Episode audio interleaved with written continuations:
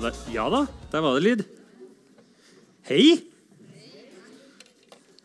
Bedre, vi skal kose oss. Kanskje mest du på første rad som sitter og strikker. Nå, nå blir det kjærlighet. Yes. Så bra. Yes, vet dere hva dere har gått til?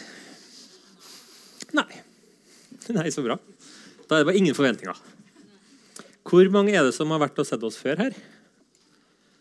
Ja, det var litt over halvparten. Hvor mange er det som har sett oss før og er storfornøyd? Det var lurespørsmål. Ja, det er så sjarmerende, Hans Andreas. Den kommer bare pga. deg. Åh, også på vanskelig kjærlighet, da. Ja. Ja, vi får se. Um, greit. Vi skal snakke om vanskelig kjærlighet i dag. Det er heter Hans Andreas Knutsen, eh, psykologspesialist i klinisk samfunnspsykologi. Ingen som veit hva det betyr. Eh, men det er nå det jeg er. Du, Svein Øverland. Er Spesialist i barne- og ungdomspsykologi og rettspsykologi. Det vet alle hva er. Ja. Ja. ja, der har du det. Eh, vi har nå holdt på med det her en stund, eh, for dere som ikke har vært der før. Vi har en tanke om at vi sitter på kontorene våre, og så vet vi en del ting om noe. eh, rundt det her med psykologi, hvordan ha det sammen, hvordan bygge samfunn som er gode for oss. Eh, og hvordan ha det ok i fengsel. Ja. Ja. Eh, og det hjelper ikke noe at vi sitter og vet det her, hvis ikke vi får spre det på noe som helst vis. Så derfor har vi invitert eh, på masse forskjellige temaer. Vi har snakka om Søvn, søvn. ensomhet, Ja. pedofili, ja. Stalking, Stalking. seksualdrap. Nei, nå er jeg inne på mitt område. Vi har snakka om vanlige ting. Ja. Hovedsakelig. Ensomhet og søvn var jo faktisk Eller sist gang når det var søvn, Mm. det var veldig spesielt. For da ba vi alle om å rekke opp hånda som hadde søvnproblemer, og det var vel alle. Mm. Da var det 300 personer. Og da lærte jeg ganske mye nytt Ja. i løpet av den uh, to timene der. For vi hadde en fantastisk flink ekspert. Ja. Og han sa det stort sett alt vi trodde vi visste, det var feil. Ja. Uh, Så det var veldig nyttig. ja. Så, så tanken vår er det at vi ønsker å, å gi eh, alle en større innsikt i hva er det som egentlig er de her eh, fenomenene vi snakker om. Eh, og, og så er det ikke sånn at alle skal springe til psykologen. Jeg mener ikke det. Jeg mener det at man skal få de verktøyene man trenger for å kunne klare seg sjøl. Og hvis det blir veldig vanskelig, så selvfølgelig så er det et system som kan være med å hjelpe. Men, men eh, jeg tenker det at eh, man skal få litt sånn makta tilbake i sitt eget liv da, når det gjelder sin egen psykiske helse. Jeg har begynt å få veldig sansen for den der sinnsrobønnen. Kjenner du den? Ja, den har jeg hørt. Ja. Du har nevnt. Ja. Har du den utenat, eller? Er det noen som kan den? her, sånn? Sinnsrobønn? Nei? Ja, du kan den? Ja. Hvor er mikrofonen? Hvor er mikrofonen når vi trenger den? Tør du det? Nå blir jeg imponert hvis du gutsa det nå. Se. Angra du det bittert, vet du. Gi dama en applaus! Yay! Og premien for eh, første modige deltaker går til Ja, ja Sinnsrobønn. Gud, gi meg visdom til å godta de ting jeg ikke kan forandre, mot til å forandre de ting jeg kan, og forstand til å se forskjellen. Ja. Er ikke det nydelig? Yes. Supert. Med andre Du må akseptere det du ikke kan gjøre noe med, istedenfor å bruke massevis av energi på noe du ikke kan forandre. Og så bør du heller bruke den energien du sparer, på å gutse og ta tak i det som du faktisk må og kan forandre noe med. Og så er den siste biten da, å ha kun kunnskap og visdom til å vite hva som er hva. Og Hvis du klarer å finne den brøkken der, så kanskje du kan fikse ting sjøl, eller med venner, eller med en psykolog, da, skal vi si, i verste eller beste fall. Det var vakkert. Takk for oss. Ja. Da sier vi um, Så Ja. når du er syk neste gang, så inviterer jeg deg opp. Ja. Ja, supert. Har, du- har du det bra, forresten? Uh, medium pluss. Ja. Det er bra. Det er bra. Det må være såpass. Ja, det må være. Uh, Trond-Viggo Torgersen eh, synes jeg, han er jo, jeg mener jo Trond-Viggo Torgersen skulle vært på en måte diktator i Norge. Ja. Altså, sånn, vi trenger en sånn snill diktator som styrer med litt, eh, litt kustus. Ja. Jobber i kommunen. Det er mye rot. Um, men det han også sier, er at uh, altså, har du det sånn 70% bra, så kan du si at du har det dritbra. Ja. Og det synes jeg er perfekt. Så jeg har det sånn rundt 70% Ja, men det er dritbra. Ja. Ja. Supert. Men du? Hvordan har du det? Så, Jeg har det dritbra. har du det? Ja. Konge? Ja. Jeg, jeg, jeg, jeg, jeg plager jo deg i dag. Husker du det i dag morges? Ja. Ja. Tør du å si noe om eh, du, du har jo sagt at jeg, vi ikke skal snakke om det at du har drevet på med standup og sånn. Så det må ikke vi si noen ting om, da. Uh, uh, men det, den store drømmen for standup-komikere er å stå på scenen på Latter, da. Og gjett hva jeg gjorde i dag. ja. Har du vært på scenen på Latter, forresten? Nei, jeg er ikke- flink nok til det. Så jeg har det, jeg har det veldig, veldig bra i dag. Sånn at, ja, nei, altså, jeg fikk, en, jeg fikk en, et sånn bilde av en sånn smørblid Svein klokka husker ikke hva det var, 08.15. Gjett hvor jeg er, med latter i bakgrunnen. Um, ja, så, det er, så det handler om å, å ta tak i uh, forskjellige fenomener. Snakke om det. Hva er det egentlig? Prøve å gi noen verktøy uh, i forhold til å håndtere det. Um, ja, og så tenker jeg som så at det her jeg er ikke så glad i at det skal være liksom to eksperter som skal fortelle andre hvordan de har det i livet, og hva de skal gjøre med livet. Sånn at jeg tenker at dette er et litt sånn fellesprosjekt. At her er det vi som møtes, og så skal vi sammen finne ut av det her. Er dere med på det? Så vi skal sammen finne ut hvordan vi skal få det vanskelig i kjærlighetslivet. Det. Dere trodde dere hadde det bra. Bare vent. Eh, så Det betyr jo at dere kanskje må snakke litt. Så det må dere kaste dere på. Still spørsmål. Eh, det som er, er at De sier på fly og på konserter sånn at det ikke er lov å skru av telefonen. og, og sånne ting. Her skru på telefonen. Og så kan dere gå inn på Facebook, for dere som er der. Eh, og så kan dere sende oss spørsmål nå på denne Facebook-sida vår når ulven kommer. For det vil komme opp på telefonen min. Og så kan jeg ta opp spørsmålene deres i andre halvdel. Fordi vi skal ha snakke i 45 minutter. Neste halvdel så skal vi bare snakke om det dere er opptatt av. Så da kan dere bare la det hagle inn med meldinger når ulven kommer-sida. Det er, det er Skriv dere som en melding, så skal jeg holde det anonymt. Si om det er mann eller dame. Så ikke vær bekymra for det. Jeg skal holde det anonymt. Lover. Nei da. Nei, jeg skal gjøre jeg skal holde det. Greit. Mye rundomsnakk. Er dere med? Yes. Hvordan har dere det? Har dere det dritbra? Det smitter den strikkinga. Nå er jeg til sånn Ja, du òg du også sitter og kikker på Hva er det strikker du? Cardigan. Uh, strikker cardigan. Ja, ok. Ehm, hvor mange jeg lover ikke å spørre noe mer, hvor mange er det som opplever kjærligheten som utfordrende akkurat nå? To. Nei. Tre. Fire. Ja. Nei, men det, det var da en del. Ja, det- Det var under, under det er der borte. vet du. det, det er tre jenter som rekker opp hånda og, så, og flire og flire. Ja, ikke sant? Greit. Eh, vanskelig kjærlighet. Jeg tenker på hva er det som er Hvis vi begynner med å begynne en plass eh, Jeg har på en måte definert dagens tema som eh, når man da har møtt noen. Eh, og det er, kanskje, det er veldig ofte sånn rosenrødt eh, i starten. Eh, men på et eller annet tidspunkt så kommer det noen utfordringer. Eh, og da kan kjærligheten bli vanskelig. Det var det var liksom baktanken. da. Eh, og hva er det som da blir vanskelig, kan jo være veldig individuelt. Det er jo og veldig sånn ut ifra situasjonen man er i. ikke sant? Det kan være noen som er som har barn, kanskje er litt oppi årene, og så finner man hverandre. Eh, da er det noen utfordringer. Hvis man da er studenter og unge eh, så, og møtes, andre typer problemer kanskje. da. Så hva er det som er selve utfordringa? kan være mangt. Kanskje vi kan prøve å se om er det noen, er det noen fellesnevnere og, og sånne ting. Mm. Nå tenker du som psykolog eller lege, du definerer på en måte hva vi har foran oss her. Hva er variansen? Hva er de typiske vanskene folk sliter med i kjærligheten? Mm. Og det, er, det første jeg tenker, Vi kan jo spørre folk om det her også, men en av de tingene som jeg syns er nesten litt sånn tragikomisk når du er i Trondheim, da, Det er jo å være på Ikea sånn rundt august. Ja. Når alle disse nye studentene kommer som akkurat har flytta sammen. Og gutsa, og så blir de stående der og gråte foran på en måte møbelavdelinga. Skal vi ha rød eller grønn sofa?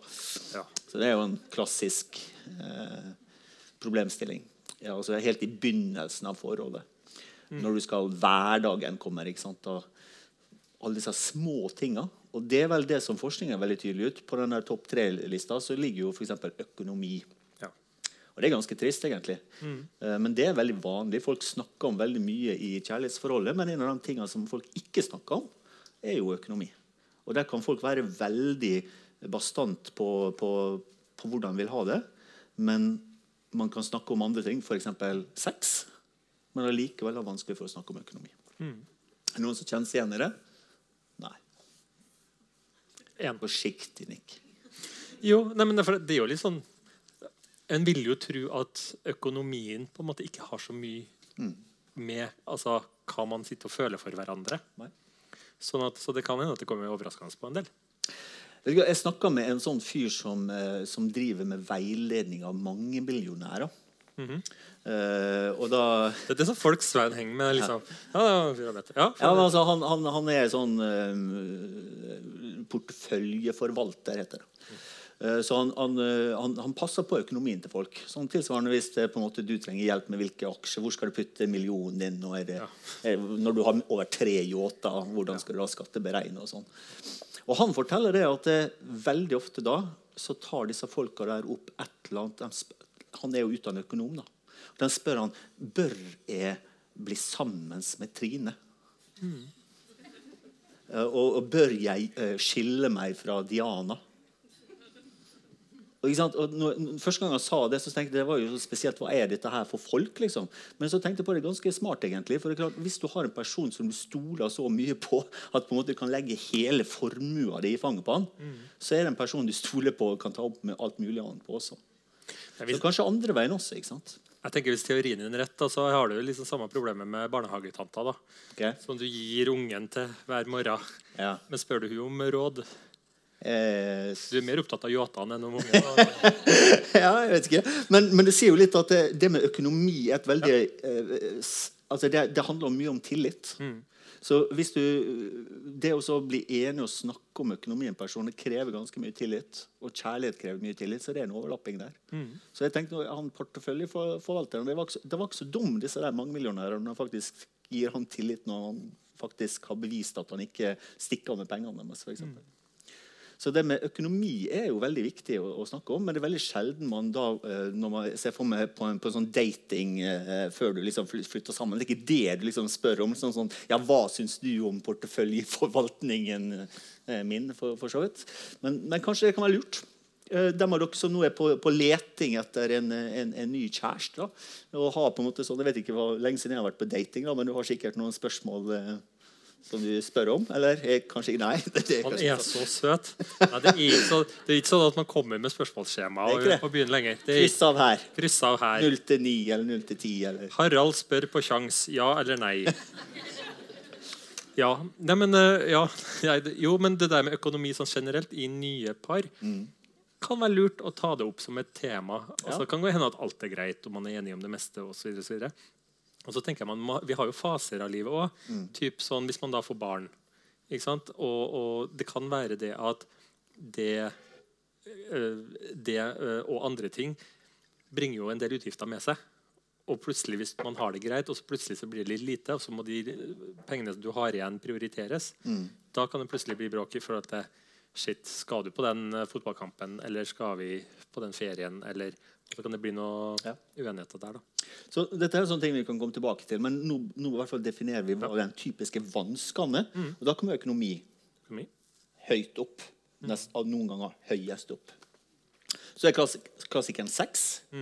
Og så er det den noe kanskje ikke så selvfølgelig husarbeid. Jeg, jeg tenker jo, der, Jeg merker til damene som nikker. Der traff du spot. Hvem er, hvem er det som har opplevd at eh, husarbeid har blitt et tema? Alle sammen? Hvor er mikrofonen? Ja. Vi må høre med noen. Er det noen som tør å, å fortelle meg litt bare kort om det? Dere tre knisejentene, dere ligger tynt an nå.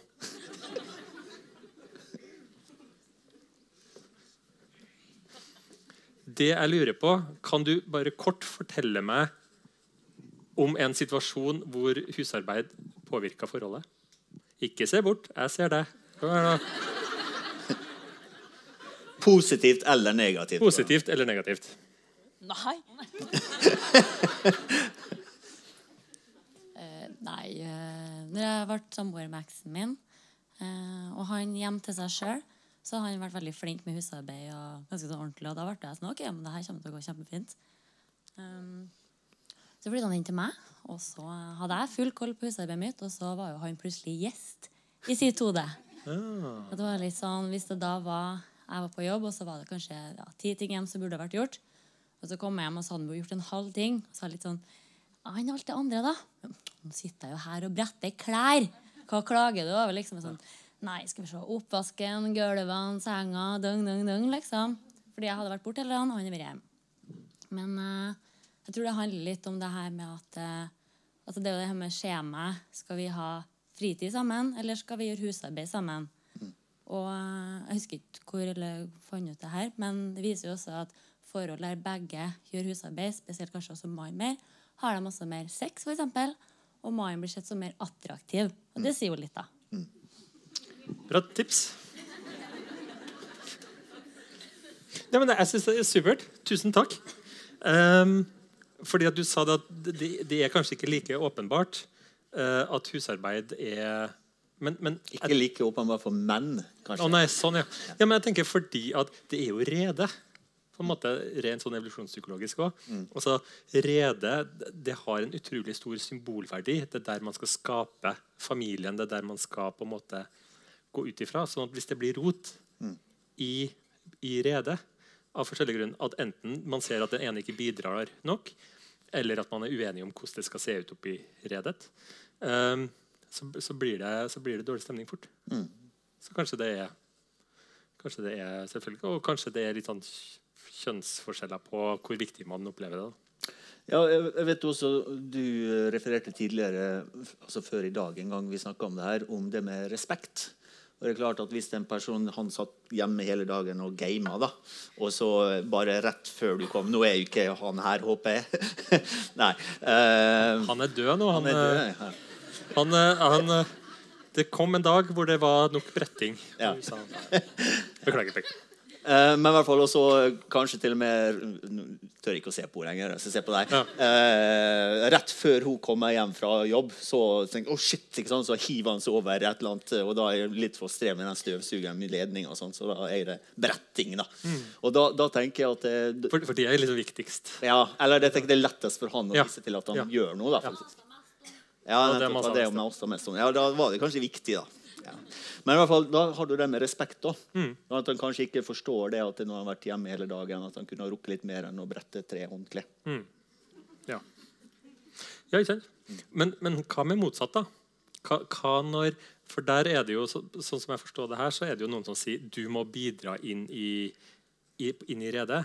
Men også hvis, man da, hvis det er to stykker som flytter sammen, og du nevnte at altså, han så seg sjøl litt som gjest, og sånne ting, det kan jo være det at man ikke slipper den andre til. Ja. På en måte at nei, men du, nå skal du flytte Har du snakka med eksen hennes? Fordi at jeg vil, jeg vil, at han skal få en stemme òg. Ja. Jeg har ikke snakka med han. Men, men nei, jeg bare tenker begge veier. At, at, det kan jo være i et, i et parallelt forhold. At det er sånn at jeg har, det her er mitt hus. det her er min, mitt, har, Alt er sånn som jeg vil ha det. Du er velkommen inn, nå skal vi bo her sammen, men bare ikke ta på noe. Nei. Ikke sant? At det også kan være Jeg skal ha kontroll. Jeg skal ha kontroll, og det her sånn skal være sammen, ja, men jeg er på mine premisser. Ja, Ja. det. Så blir det motsatte. Det kan godt hende. Ja. Syns dere han har et fantastisk kroppsspråk? Sånn, så, så, så, flytter de sammen, og så gjør, gjør du sånn, og så plutselig var det to knyttnever. Har du merket det? Sannheten er at jeg bare, jeg bare prøver å sitte på en måte så det ikke ser ut som jeg har så mye mage. Ja. Det, er liksom det er. Ja. Jo, ok, ja, men jeg skal være med bevisst kroppsspråk. Ja, ja, Det var et kompliment. Det var veldig talende. Sa du forresten at dette her blir lagt ut på, på, på nettet? Og... Ja da, bare lyd. Ja. Så du får ikke mer fine kroppsspråket ditt. da. Nei. Men, men, men den, den der, at du først var sånn, og så var sånn nesten folda i hender, og så ble det to, to knyttnever, Mm. det var veldig talende, syns jeg.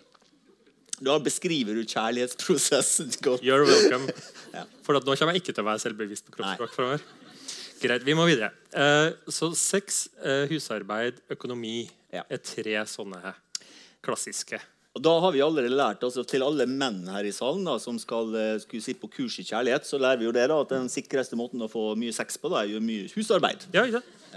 så det er sånne ting nice to know da, som ikke nødvendigvis alle gutter har fått med seg når de er 20 år. Jeg lurer på Hvor mange gutter er det som er her, som egentlig og føler at det var kjæresten som tok deg med, og du er egentlig litt på kurs nå? Det, det er noen, Jeg ser det noen, noen hender.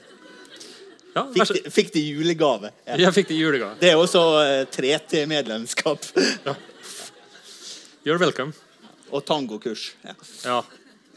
Um, greit. Ehm, hvis, vi ser på, hvis vi ser litt på hva andre har sagt, og, og, og sånne ting, i forhold til hvorfor går vi fra hverandre Det er jo konflikter da, som vi kan se på de her tre områdene. Eh, andre snakker om at, um, at man, i det man opplever at man er for, for, eh, er for forskjellig personlighetsmessig når man er ung og forelska, eller trenger ikke å være ung engang heller, bare man er i den der forelskelsesrusen Det er veldig mange ting man overser. Eh, og så går tida, og så kommer på en måte litt sånn hverdagen, og da ser man det at altså, ja, men vi er jo ikke enige om fundamentale ting. Nå gjør jeg det sånn igjen. Jeg legger merke til det. Eh, vi er ikke enige om ting som vi virkelig burde være enige om. eh, som kanskje ikke var så viktig før, for da, da var vi, hadde vi fokus på kosen og nærheten. og alt det der. Nå liksom må vi opp, og ungene må ut, og det er liksom det ene og det andre. ikke sant? Eh, så eh, det er en. Eh, utarming er det noen som sier. Det der med at man, hverdagen kommer, og at, at man eh, eh, at det altså, rett og slett begynner å bli litt så, sånn kjedelig. Den her nyhetsverdien forsvinner litt. Og, og man bare føler man står og trør, og det ikke blir så spennende lenger. Sovna foran, eller Begge to sovna på sofaen fire ganger i uka. I hver, Mens TV-en i hver sin I hver sin del. Ja, at det bare dør ut. Eh, og så, den, eh, og så eh, at man møter en annen person. Altså at det kanskje henger litt sammen nå. At man, det blir litt sånn hverdagslig. Man, man går litt lei. Man kjenner at Vi kjenner ikke hverandre så godt, og vi egentlig passer ikke så bra sammen heller. Og så møter man noen andre. Eh, og den siste er unnvikelse. At man på en måte ikke Man kommer ikke i den der gode snakken. Man, man forstår ikke hverandre. Man bare flyter litt sånn oppå hverandre. Ja, eller med unngåelse tenker jeg også at det ligger i at man, man vet at det er et land som ikke er bra. Men istedenfor å snakke om det, så bare sklir man unna. Ja. Og det er jo felles med skal vi si, all f.eks. psykiske lidelser. Uh, som psykologer så snakker jeg veldig opptatt eller Før var i hvert fall psykologer veldig opptatt av diagnoser om du har angst eller depresjon, og hva som var forskjellen på det. Men det du ser nå, er at veldig mye likheter med psykiske lidelser generelt er jo det at man har unngåelse. At man har ubehagelige tanker, ubehagelige følelser, og så gjør man ikke noe med det. Man bare distraherer seg sjøl, eller kaster opp eller drikker eller et eller annet sånt. At man unngår å ta tak i det. Så det å unngå å ta tak i problem, det er den beste måten å få større problem på. ja. Og det vil også gjelde i et parforhold. Tenker jeg. Det er ganske naturlig. Jeg ser det begynner å komme inn spørsmål. Bare send inn eh, spørsmål til oss. Eh, enig. Hvordan, ja. Der, og vi, vi- du skal, jeg, man skal ikke snakke om alt. Nei. I hvert fall ikke detaljer. detaljer. Men det, går, det er veldig viktig å snakke om at man ikke har det bra. Både personlig og i forholdet. Hvordan du skal gjøre det, det er en helt annen sak. For det kan gjøres feil på 3000 forskjellige måter. Men det å ikke ta tak i ting, om det er parforhold eller om det er fordi du har opplevd noe fælt, det er helt, helt nødvendig. Er det noen som har et eksempel som handler om unnvikelse i et parforhold? Som kunne ha gitt oss, eh, gitt oss en liten historie? Litt sånn, sånn som sist nå? Eller blir det litt selvutleverende og vanskelig? Eh, Da er man tøff hvis man eh, tør å si noe om det. i hvert fall. Men jeg tenkte det kan være noen sånne små, enkle eksempler òg. Har min, den, jeg tror jeg har fortalt den før, men ikke sikkert noen husker det. eller det, noen var her, men det er et gamle ektepar med de uh, rundstykken. Har jeg fortalt det en gang? Ja, nå, nå, nå begynner folk å nikke. Det er dårlig, dårlig tegn når folk liksom vet alle vitsene mine fra før. OK. Ja. Ja, så da fortell den, du, da. Og du, var, og, og, du var på, og du var på latter mens du har ikke noen flere vitser igjen. Nei, jeg har brukt den. Uh, ja, er det noen som har lyst til å fortelle? Har du lyst til å fortelle? Bolle, har du lyst til å fortelle hva var rundstykkehistoria til ja. Ja, seriøst. Det er så mye modige folk her. Husk å snakke inn i mikrofonen. Jeg har aldri hørt deg før, men jeg tror det er kanskje den med at man har bodd sammen i 40 år, og så har man på en måte eh, spist motsatt del av rundstykket. Ja. For man trodde at den andre ville ha den andre delen. Riktig. Ja. ja. Mm. Så det var egentlig hele. Ja. ja. altså, når jeg forteller den, så er det mye morsommere, da. Men jeg bare sier. Men liksom Men det var, Tusen takk. Og det var helt riktig. Men det er et godt eksempel der man da i en stille da har bitt i seg den der biten der at det, man har liksom gitt toppen av rundstykket og virkelig ofra favorittdelen sin i 40 år. Og så når man først forteller det, så sier den andre men jeg liker jo ikke den delen av rundstykket. det er nedtur. Men det er litt sånn det er, tenker jeg. Som du sier, den der type. Det å ikke også unngå å prate om ting, det er nettopp sånne ting som kan komme. Men tro meg, det kan være mye verre ting man kan være eh, ikke snakke om enn akkurat den biten. Mm. Ja, men jeg, tror det, jeg er helt enig med deg, og jeg mener det er viktig. Og Noen ganger så er ikke det blir ikke tatt så ille opp som man tror heller. Nei. Nei, det er ofte sånn. Uh, det kan være veldig skummelt først, og så viser det seg at det ikke så, var ikke så vanskelig. Og poenget er at lell om det da blir om det blir dårlig stemning eller det ender opp med en kjempestor diskusjon, så er det egentlig bedre å ta det mm. lell enn å gå i 40 år med ja. samme rundstykke. Um, det blir ikke samme rundstykke. Jeg, jeg, ikke jeg har hørt det sjøl. Hysj. Det var mye bedre når hun fortalte det. um, se kroppsspråket mitt nå. Um, greit. Hva, er, hva, tenker dere i forhold Nå har jo vi snakka om uh, ting, altså arenaer det kan bli vanskelig på.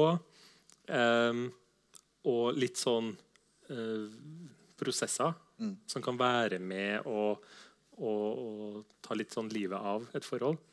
Er det noe vi ikke har snakka om, som dere tenker er viktig? Da må du snakke i mikrofon. Og den må helt opp til munnen. Sjalusi. Sjalusi, ja. Det er som å putte en femmer på en uh, Svein, heter det? Murderous rage. Fortell. Ja, jeg tror jeg først, først skal si litt uh, for sjalusi brukes ofte litt uh, lite presis av og til, i motsetning til misunnelse. Bare for å klargjøre det først, for mange roter, roter med det. Så For misunnelse er jo at har, noen andre har noe som du har lyst på. Men sjalusi er egentlig det motsatte. Du har noe, men du er redd for å miste det. Denne tyven, tyven skal du være, for du tok min beste venn. Du, du er redd for å miste noe du allerede har. Så sjalusi kan jo både være en spesifikk kjærlighetsting, eller så kan det være tegn på noe generelt utrygghet. At du generelt er utrygg på alle, også innenfor kjærlighetslivet. Men sjalusi er jo, øh, kan jo altså Sjalusi er jo negativt i betydninga på at, man, øh, at, det nærmest kan være et øh, skjellsord fordi man legger i det at det er ubegrunna sjalusi. Men klart man kan jo være sjalu fordi man har grunn til å være sjalu òg. Så det er sagt. Så det er ofte det som er skjæringspunktet med sjalusi. er Å finne ut om man har grunn til å være sjalusi, sjalu eller ikke. Og Noen går jo rundt hele tida og, og, føler på det uten å si noe om det. Som kan på en måte tære det opp innvendig. Mens andre går jo rundt og tenker på det hele tida og snakker om det, noe som kan være problematisk for, for forholdet. Så det der er et svært eh, tema. Og grunnen til at du tar det opp i forhold til det med drap, og sånn, er jo for at det er den vanligste grunnen til drap i Norge. er At du dreper kjæresten din eller eksen din uh, knytta til sjalusi. Så sjalusi kan jo være sykelig. Mm. Så det er et enormt tema. Men klart, hvis man har sjalusi, så er det veldig vanskelig for et parforhold å komme videre. Rett og slett. Og hvordan du skal gjøre det, det er jo nesten en egen bok. Bare så det er sagt. Vet ikke om vi, kunne, ja, vi, vi har jo lov å drive reklame her, men eh, Ekro Sissel Gran har jo den Kjærlighetspodden. Mm. Ja, der, hun snakker mye om sjalusi og hvordan jobbe, jobbe med, med, med, med, det. Rett og slett. Du er inne på noe i forhold til det her med sjalusi. Jeg tenker det at i forhold til det her med tilknytning, trygghet osv. Fordi at når man går inn i et forhold, så er det jo et forhold som blir til at det er to stykk som møtes. og så er det veldig mye kompromisser, og det er veldig mye som, som skjer på en måte når de her to altså Kanskje ikke sånn Uh, ting vi snakker høyt om å ta hverandre i handa på, men det er veldig mange sånne avtaler på en måte som kommer av seg sjæl litt. Um, og jeg tenker Det at det handler også litt om hva man har med seg inn i den der forhandlinga. da. Hvis man er veldig man har en oppvekst for eksempel, hvor man er veldig utrygg eller har opplevd eh, vanskelige ting, og så kommer man inn i det, og så Det der med å presentere seg på en fin måte En ting er hvordan vi presenterer oss på Tinder og på de her nette, nettdatingsidene og sånne ting. En annen ting er hvordan man er. Det er min bok. Det der med det faktiske selv og det ideelle selv. Men fordi vi presenterer oss ofte på en måte som vi ønsker å være, ikke den man nødvendigvis er. Eh, sånn at det jeg vil fram til, er med trygghet og tilknytning. Tilknytningsmønster er jo noe vi har med oss fra vi er født. Ja. Og så plutselig, i en alder av 24 eller 55, eller hva vi er, så sitter vi der med en potensiell ny partner. Og da vil hele den historien bli med inn. Og det er det massevis av forskning på. Det er hele det fagområdet, fagområdet det her, det vet jo du, det er for tilknytningsteori. Og det er jo på en måte en veldig vitenskapelig grunnlag for alt mulig innenfor psykologien. Uh, og der, der når du da er tre-fire år gammel, så kan du da se hvordan tre-fireåringen da forholder seg til at det kommer en fremmed inn når han er sammen med mammaen sin. Og Noen på en måte bryr seg ikke. Og Da kan faktisk du være for trygg, altså vi, at vi snakker om utrygghet på det òg. Eller at du, øh, at du klamrer deg til mammaen din. Slik at vi snakker om mellom utrygg eller trygg øh, tilknytning. Og Hvis du har en utrygg tilknytning som fireåring, så er det veldig vanlig at du også blir utrygg i kjærlighetsforhold når du er voksne. Og det kan gi seg utslag i sjalusi, som vi snakker om her. Da. Og da er det litt som eh, Michael Jackson sier. Du må begynne å se deg sjøl i speilet. For det er sånn klassisk i parforhold så, så, så er det den andre som har feilen hele tida. Og mye du kan gjøre i parterapi, men klart hvis du har en genuint utrygg samspill med mennesker generelt, så er det veldig vanskelig å gå inn i et trygt forhold uten å ta tak i og jobbe litt med seg sjøl. Og innrømme det for seg sjøl og gjøre noe med det. Og det er mulig å gjøre, men eh, da må du faktisk innrømme det og gjøre noe med det. Ja, og selvinnsikt. Selvinnsikt. Å se, å se det. Um, man har eh, Jeg kikka litt eh, på forskning, og sånne ting, og der fant jeg bl.a. at uh, universitetet i Kansas Da er jeg liksom trollmannen Nei, hva heter det? Hun, eh, Dolores Trollmannen i Os? Ja. Er det det? Ja. Kansas. I Kansas, ja. Um, på universitetet der så har de, har de forska på par som har blitt, altså de har blitt sammen, ny, nylig blitt sammen. Og så ser de på hvordan de oppfører seg i forhold til hverandre. Og så sjekka de etter en eh, tid hvem er fortsatt sammen. Er det noe, er det noe der? Og det de fant, var det at de som har, de som liksom, har manglende respekt for hverandre tidlig, det er de parene som ryker. Og som du kan se på på ytre, altså på atferden deres. I, eh, for det blir tatt opp på video. blir ikke det? Jo. Så det blir tatt opp, så da er det en ting er det bare kroppsspråket, ikke sant? men en annen ting er litt sånn den der Mener du det, du, da? Litt sånn dust. Altså, alt helt derfra og til litt sånn mer grove ting, da. Um, sånn at um, Sånn at um, det er en, en kjempestor predikatorforbrudd. Det som gjorde at folk hang sammen, det var de som kunne leke sammen og hadde humor sammen. Der var det mye sånn tull og tøys, og de flira fritt sammen. Gjør man det tidlig i forholdet, så ser man at det er de forholdene som ofte varer lengst. Så lek mye. Lek. Ja. Syns, og det syns jeg er altfor lite lek Ja. generelt. Eh, Gjør dere det? Leker dere? Hvordan leker dere med partneren deres? Ja, men og det verste er at bare flir. For jeg mener det. Hvordan, altså, ikke noe snusk her nå, men hvordan leker dere? eh, Hvordan leker dere? Hva, hva gjør dere med partneren? Har dere noen sånne interne ting som er litt artig? Er det noen som har det? Det ser ut som ingen har lyst. Det var det. Snakkes. Det jeg har lyst til å høre er, Har du en liten kort liten historie eller en litt sånn artig ting som du og partneren gjør, som er leik for dere? Nei, ikke noe spesielt, men når vi lager middag, for eksempel, så kommer det til en eh, klapp på rumpa eller kjette hverandre, og så plutselig så henger jeg over skulderen mens ungene flirer. Å ja. ja, perfekt. Det høres veldig sånn Og ungene fryder seg sikkert, kan jeg tenke meg. Og det er artig, ja. Jeg mener at det, det er så koselig når det er noen sånne ting. Og det, jeg tenker Hvert forhold må jo finne sin greie òg. Jeg er så spent på de ungene. fordi jeg, jeg ser for meg at de ungene da veldig ofte kan, kan synes det kanskje er litt kleint, men de syns det egentlig er morsomt allikevel. Ja. Ja. Jeg tenker jeg har litt med alder å gjøre, kanskje. Hvis du er, hvis du er 15 år og har med gjester. 'Mamma, slutt, da!'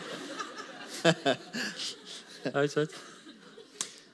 Ja, men, men men det å leke sammen det, eh, tenk på, Man hører veldig ofte hvordan man skal bevare kjærligheten. Og det syns jeg er litt sånn uh, egentlig et merkelig ord. Akkurat Bevare høres ut som du skal legge det på formalin. eller et eller annet sånt. Ja. Eh, Stoppe det ut og ha det på hylla. på en måte. Her er forholdet. Vi har bevart det. liksom. Mm. Jeg tenker på den lekingen, Det handler vel mer om hvordan man kan utvikle det sammen. ser jeg for meg da. Altså Hvordan du kan gjøre noe altså man, Forholdet er her, og så skal man på en måte utvikle det sammen mot en retning. Mm. Istedenfor Man kan jo også utvikle det i hver sin retning, men altså hvordan man skal utvikle det sammen. Og Da vil jo leke eller gjøre noe sammen være en, en Ja, ha, ha, sånn ting. ha en sånn intern oss-ting, kanskje. Ja, et eller annet eh, prosjekt, men helst et som er morsomt. da. For det, det er litt sånn spennende, så jeg vet ikke om, det, om jeg treffer helt, men jeg jobber jo på familievernkontoret i Asker og Bærum da jeg var ung. Ja. Uh, Jeg trodde du sa at du gjorde det nå. Nei, jeg gjør ikke det nå. Jeg gjorde det en gang. Jeg- Jeg jobba der i et vikariat et år. Og det var utrolig spennende. Altså. Jobbet, da jobba jeg først på en psykosepoliklinikk, og så bytta jeg over til familievernkontor. Uh, og greia det at På psykosepoliklinikken der var det veldig mange veldig syke folk. Og det var folk som hadde noen veldig bisarre vrangforestillinger. Og det var, det var egentlig mange som hadde det veldig vanskelig. Ja. Eh, og jeg, liksom sånn, jeg gjorde en god jobb og jobba med dem og for dem. og sånn men jeg kjente det ikke helt sjøl. Altså, det traff meg ikke. ikke sant? Eh, men når jeg begynte å jobbe på familievernkontoret, så begynte jeg å jobbe med folk som, eh, som bare var i en li vanlige folk, som var bare i en livskrise. Eh, og da tenkte jeg liksom, oh shit, det her kunne faktisk ha vært meg på et eller annet tidspunkt. ikke sant? Um, så så det, det var veldig mye nærmere meg, sjøl om kanskje det ikke var så patologisk. da. Eh, Men det var ikke det jeg skulle si. Det jeg skulle si var det at eh, det jeg så ofte, var det at de som ble sammen tidlig i altså i tenårene eller 20-årene, som da gifta seg veldig tidlig, de skilte seg ofte når de var 30-35. Ja. Og så ble det en litt sånn hvorfor, Hva er det som skjer her? da? Og det, det som skjedde der, var det at du har Det er veldig mye som skjer da første årene i 20-årene i forhold til dem å utvikle seg sammen. Så det som skjedde, var jo det at de, de var en del av utviklinga av seg selv. Og så kom det en annen person inn som de på en måte utvikla seg sammen med. Ja. Og så plutselig så ble de sittende og så ser jeg det at de var på, at det hadde blitt for symbiotisk. Altså De var én fordi at de hadde på en måte utvikla seg sammen. Det var ikke to partn partnere som kunne liksom gi hverandre noe. Nei. De var for lik, på en måte. Den ble, ble for like fordi at de hadde liksom den utviklinga sammen. Ja. Det var i hvert fall noe vi snakka en del om. da. Ja. Um, Og det er det der som eh, Det finnes ikke noen fasit på det, men det er det alt, alt folk er altså, Spørsmålet får ok, hvordan kan du vite om den du har, er den sikre? Altså før, før for å bli stabilt. Hvordan kan du vite at du har den rette? Og hvordan kan du bevare de to tingene der? Og Nå høres det ut som vi er eksperter på det her og på en måte er gura på området, men det er ingen som er det. Det, det finnes ingen som nå på man kan dra opp på en måte en formel og si hva skal du gjøre for å finne den rette, og hva skal du gjøre for å utvikle det sammen. Hadde det selvsagt fantes noen sånne regler, så skulle vi med glede gitt dem ut her, eller gi en lapp på alle som kom. Men, men det, det har jo sett gang på gang. Om du setter den mest erfarne familieterapeuter, så kan selv ofte dem få problemer med å, å, å finne ut hvordan ting kommer fremover. Det, det, er jo, det egentlig sier litt om hvor vanskelig kjærligheten er. Mm. Så jeg, jeg tenker det, det handler her om som med alle andre problemer her i verden, at du kan ikke forvente at du ikke får problemer. Du må regne med at du får problemer i et parforhold. Men poenget er hva skal du gjøre når det skjer? Det er clouet. Og da har vi vært innpå det allerede. Punkt 1, innrøm det. Punkt 2, snakk om det. Og i tillegg da lek og klapp hverandre på, på, på rumpa mens barna ser på. Det hjelper også.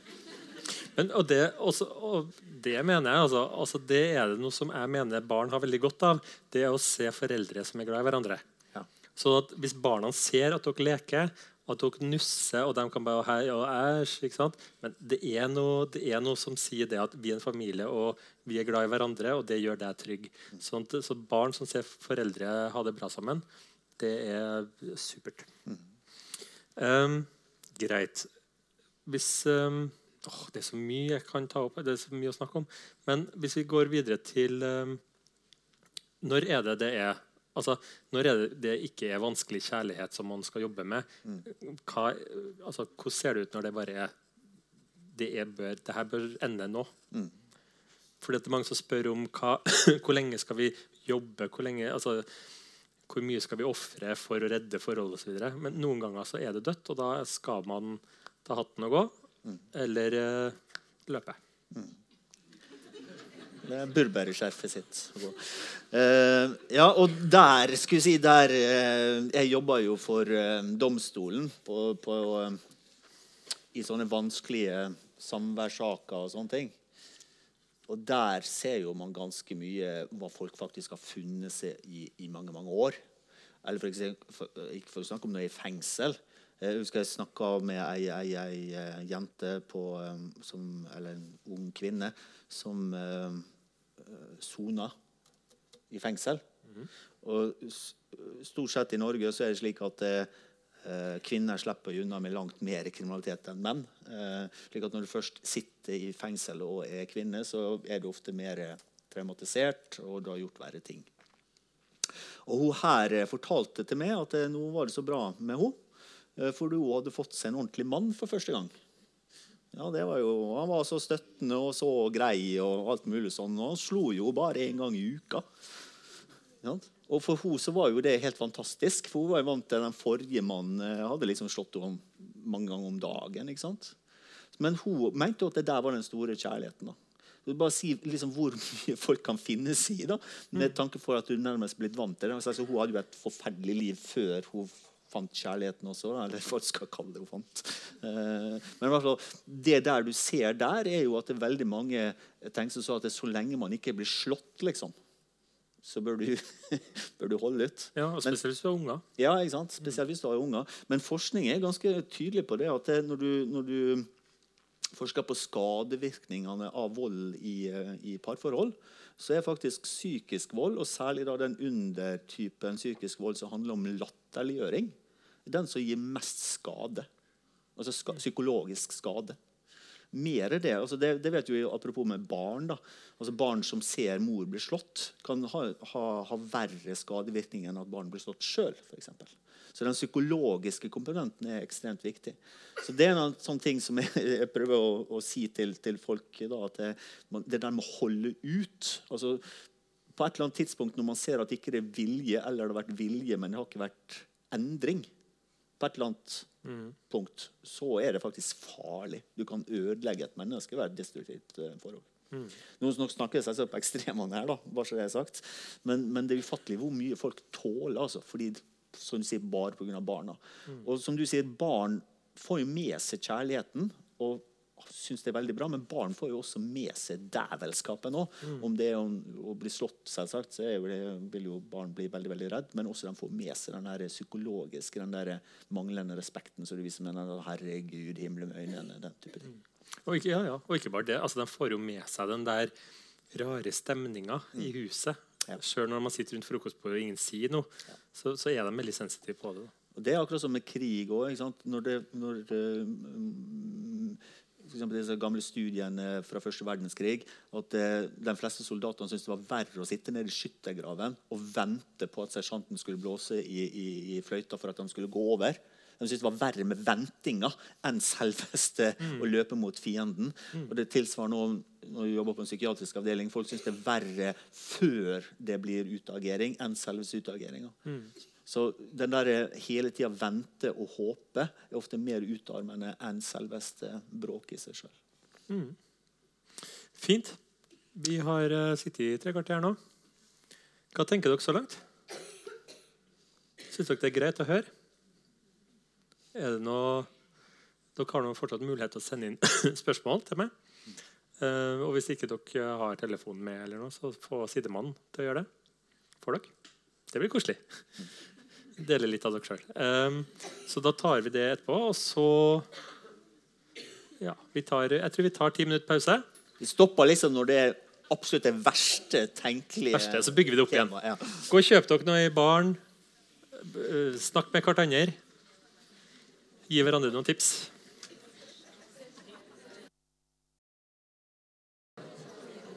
Skal vi snakke litt mer om kjærlighet? Har det vært noen gode diskusjoner i pausen? Ja, det er så bra. Det er enda bedre hvis dere snakker litt eh, sammen om det òg. Jeg har fått inn mange meldinger. Ja. Eh, så, og det var derfor det var ikke jeg så sikker på at jeg kom til å gjøre. Eh, men det har vært veldig mange, men såpass mange at jeg tror ikke vi får gått gjennom alle i dag. Men, eh, men vi tar noe, vi kjører noe på, og så ser vi hvor langt vi kommer. Og så tenker jeg det at det er fortsatt en sånn dialog sammen. det her. Sånn at, eh, så vi tar nå opp eh, temaet, og så ser vi på det. og Kanskje noen har noen kommentarer eller noen tanker eller noen egne erfaringer. eller et eller annet. Eh, vi avslutta litt sånn i den dype enden av bassenget med psykisk vold og fysisk vold. Vi har jo også et krisesenter i byen som jeg ble bedre kjent med. faktisk. Jeg har jo et annet prosjekt også, som heter Hodebry. Eh, det der, eh, så her er jeg liksom da under oppsyn. Eh, hodebry det driver jeg helt sjøl. Og der er det lekestue. Der inviterte jeg krisesenteret for å snakke om menn på krisesenter. For det er litt sånn tabu å være utsatt for, for vold, psykisk eller fysisk, da, av en partner. Sånn at Jeg lurte på hvem er de her menn, mennene. Eh, hva er det, hva tenker de? Og, så videre. og Det kom også en mann som da hadde fått tilbud fra krisesenteret på scenen. og Det, holder, det er på Antikvariatet. da. Eh, opp og fortalte sin historie. da. Det er en podkast som ligger ute. Hodebry heter podkasten. Eh, ja, sånn at, så det er noe å tenke på. Jeg vet ikke eh, hvordan det, hvordan det er i deres parforhold, men, men det er en mulighet hvis det blir kjempe, kjempevanskelig. Og det er tilbud, kommunalt tilbud som er der av en grunn. Så ikke vær ikke tenk det at 'nei, jeg må holde ut', eller ja, ja, sikkert noen som det er mer synd på enn meg. En sånn klassisk en. ikke sant? Ja. Har du noen tanker på det? Nei, eneste, eh, Faren er alltid når vi snakker om, eh, om kjærlighet eller for så vidt andre ting, f.eks. drap, at det blir sånn kjønnsperspektiv. Så jeg tenker det er veldig viktig det med at eh, det er ikke slik at eh, at det alltid er slik at i et parforhold så er det liksom kvinnen som er den kloke og flink med ord, og mannen er på en måte tømmerhogger og sint. Det er på en måte Ting er litt mer komplisert enn en, en det. Så det er viktig å ha med seg det. Så det der med eh, menn eh, på krisesenter det er sånn et viktig tema i seg, i sjøl. Men det er ikke noe på en måte å gå detaljert inn her, men det er viktig å ha med at vi veldig ofte blir fanga i denne kjønnsstereotypiene. Og så ser vi? Har, du, har, du, eh, har du hammer, så ser du spiker. liksom. Så det er alltid greit å være obs på det. Ehm, det var et spørsmål som også gikk eh, på akkurat det her, som hadde passa så bra nå. Ja, Det var et spørsmål eh, blant annet der eh, knytta til at hvis man har en partner som bruker fysisk og eller psykisk vold, hvor stor er sannsynligheten at, at det vil gå over? Enten av seg sjøl, eller med at man snakker om det, eller at man mottar en eller annen form for behandling. Så hvis man er i et parforhold og først får juling eller opplever psykisk vold, og så tenker man at det er vanskelig, selvfølgelig, men man tenker sånn Nei, men, nei, men det går over. Vi, få, vi får noe hjelp her nå, og så blir det her bra. Ja. Er det sant, det? Ja, ehm, I utgangspunktet så er det slik at det finnes flere typer vold, da hovedsakelig fysisk vold, i, eh, i, eh, i, i parforhold. Og vi skiller mellom dem som er generelt dyssosiale, altså dem som da bryter loven hele tida. Eller ikke hele tida, men generelt har en kriminell livsførsel, eller drikker mye, eller med på en måte, på en måte kanskje vært inne et par ganger, og så sittet i fengsel et par ganger. Um, og slår. Også den eh, mer eh, personen som slår når han føler at han ikke rekker frem med, med ord, og der kanskje andre partneren er eh, mer verbal. Og den tredje typen som, eh, som, eh, som slår mer pga. sjalusi eller opplevde, opplever seg krenka, kanskje uten grunn. Eh, Så i forhold til den første gruppa, med den si, kriminelle fyren, så, så er prognosen svært dårlig, rett og slett. Nå snakker jeg statistisk, da. Jeg kjenner jo ikke henne her. Men det som er, men det, som er det mer vanlige, han som da slår fordi han opplever seg krenka, eller fordi han ikke har ord for det. Og han vil veldig ofte, i etterkant han har gjort det, be veldig om unnskyld. Og også genuint også angre. Og skamme seg, til og med. Men eh, der er nok statistikken ganske trist. Hvis man ikke gjør noe behandling som er dokumentert effektivt mot sinne, så vil han ikke slutte. Nei. Selv om han bedyrer at man skal slutte. For det er en sånn vanskelig situasjon, det der, fordi at den som slår deg, er også den som trøster deg. Ja. Og da blir det fort veldig forvirrende, hele greia. ja. For begge. Ja. Ganske trist. Og når vi snakker om dokumentert, da, så vil ikke Hvis du først har en sånn person som sier at det, han har lyst til å slutte, så bør du da kreve, da. Ja, jeg hører hva du sier det. Eh, og da må du faktisk gå til noen som kan det her. Og da vil jeg faktisk ikke anbefale en vanlig psykolog. Da vil jeg anbefale spesifikt sinnemestringskurs eller lignende, som snakker spesifikt om hvordan uh, la være å slå. Fordi det er veldig lett når du går til psykologen og angrer og liksom, ja, det har sikkert en sammenheng med det det, men det hjelper ikke alltid når du står midt i på en måte den ekle situasjonen. Så det du trenger å lære, det er liksom hvordan du skal unngå spesifikt å slå. Altså hvordan du skal trekke unna, hvordan du skal gjøre det alternativt. Og da er det sinnemestring eh, her på, på Brøsset her i byen, f.eks. Eller det finnes andre også mer sånn eh, også, Jeg mener også det finnes noe i kommunen. Og også folk som har opplevd eh, eh, sinne altså Selv når de er barn, har også et sånt kurs i kommunen uten at jeg husker hva det heter, men det er regi av barnevernet og kommunen. Mm. Og så finnes det til på Østmarka òg. De har også tilbud. Mm. Um, ja, for da snakker vi om sinne, ikke sant? Uh, vi, men jeg tenker liksom psykiske vansker generelt. For jeg ser det at det er en uh, tre-fire spørsmål som går på det òg. Som hva I et forhold hvor um, den ene f.eks. er deprimert. Eh, ikke sant? Deprimert, tiltaksløs, initiativløs, uh, negativ til alt. Det er vanskelig å være kjærester mm. og utvikle seg, som vi snakka om. Eh, men det kan også være andre ting. da, altså At de har angst, eller som gjør at de ikke kan gå ut, eller blir veldig unnvikende på alt. Ja. Uh, hva tenker vi om det? For, uh, eh, det, det som vil være utgangspunktet mitt, da, vil jo være at depresjon og angst er, er sykdommer. Akkurat som kreft og andre sykdommer. Så i utgangspunktet så er det prinsipielt det samme du skal gjøre der. Altså Hvis, har, hvis kjæresten din har kreft, så vil den også mangle energi og bli irritabel og kjefte på deg, og du prøver å være tålmodig, og på en måte du får ikke så veldig mye igjen for det, og så etterpå så angrer den personen, partneren din, fordi han kjefter på deg, og så, og så gir du en sjanse, og så men, men det vil være felles uansett hvilken sykdom du har. Det spiller ingen rolle om det er depresjon altså Det er selvsagt noen forskjeller, men i hovedsak er utgangspunktet det samme. Så det du må spørre deg sjøl, er jo om partneren din da på en måte innser at han har et problem. Eh, For hvis man er deprimert, så bør du få behandling for det. Eh, slik at Hvis han ser at han har et problem, han ser det eller hun da, og tar imot behandling, så vil det også være naturlig at du blir dratt inn i den behandlinga av, av den psykologen. Akkurat så hvis det du, partneren din har en eller annen somatisk sykdom, så er det naturlig at det du får informasjon om sykdommen og hvordan du skal forholde dem til det. Så Noen ganger så gjør folk det litt unødig komplisert fordi det er psykisk, men stort sett så er det veldig mye likt. Men depresjon som sykdom er folk, Depresjon er ikke slik at du sitter og gråter hele tida. Depresjon er mer, det at du mangler energi, og at du blir irritabel. Når du er deprimert, så kjefter du mye, og dem du kjefter på, er dem du er glad i. Dem som du vet tåler det. Du kjefter ikke på naboen. liksom. Ja. Så det er en del sånne ting som du trenger informasjon om da, som, som pårørende. ja.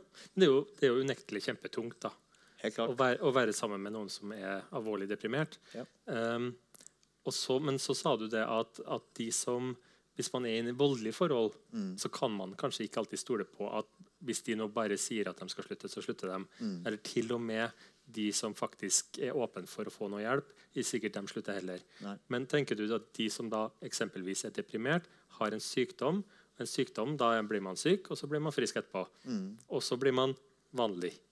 Eller den man Da får man tilbake den kjæresten man hadde før depresjonen kom. Mm. Er det sånn du tenker, da?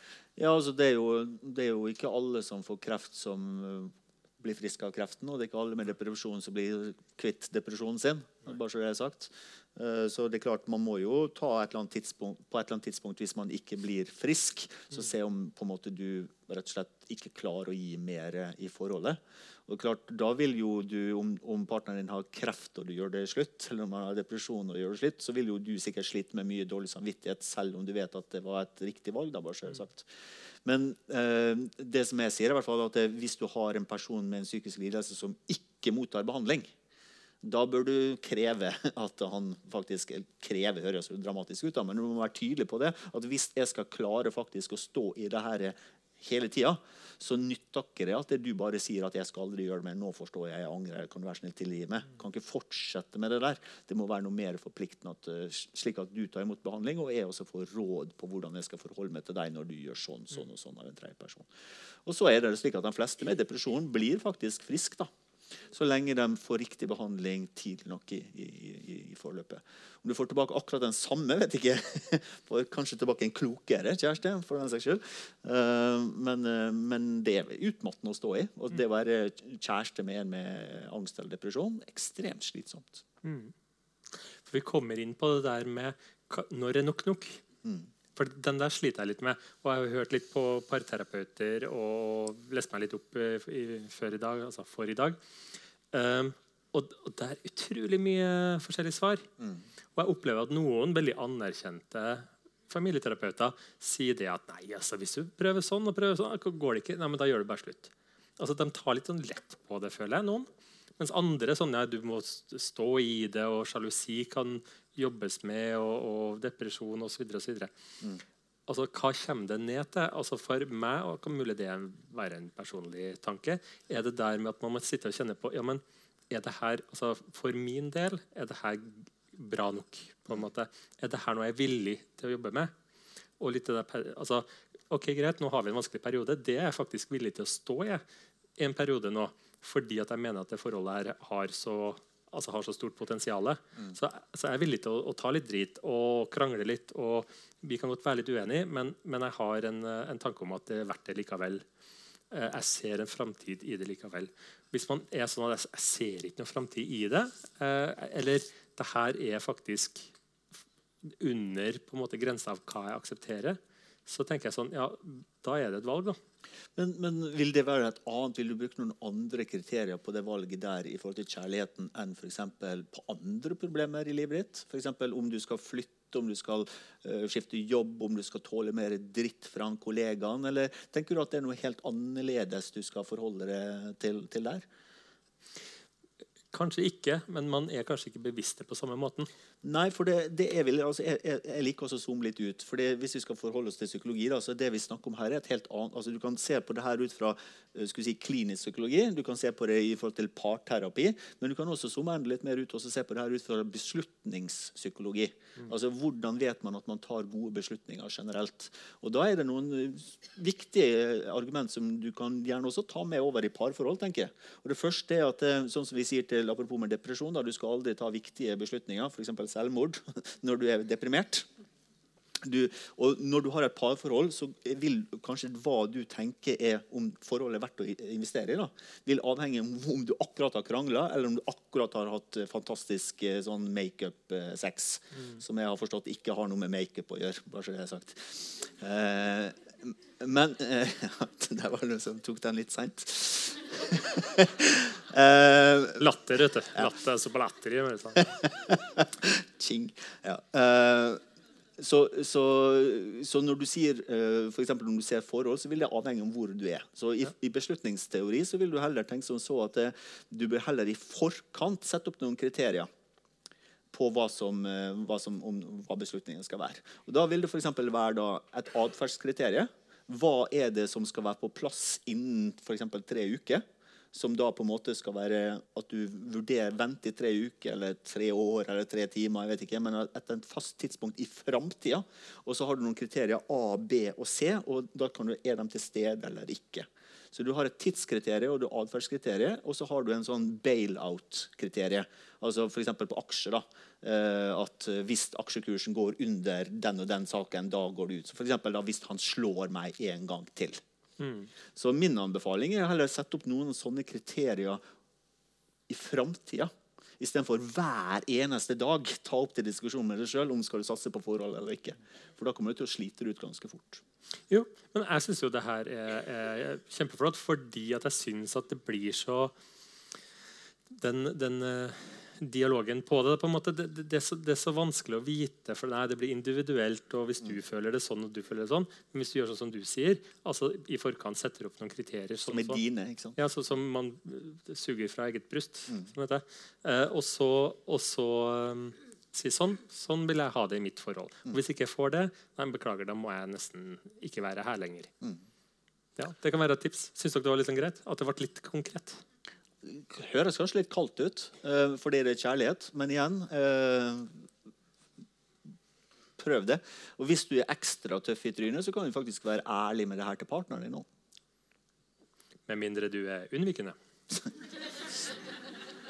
Som uh, drar oss over i neste spørsmål. Som drar oss inn, inn i for, for, for, grunnen til at du sier det, Vi har fått fryktelig mange spørsmål, så vi prøver liksom å klassifisere dem. så veldig, Nå har vi egentlig svart på to grupper eh, spørsmål. Ja.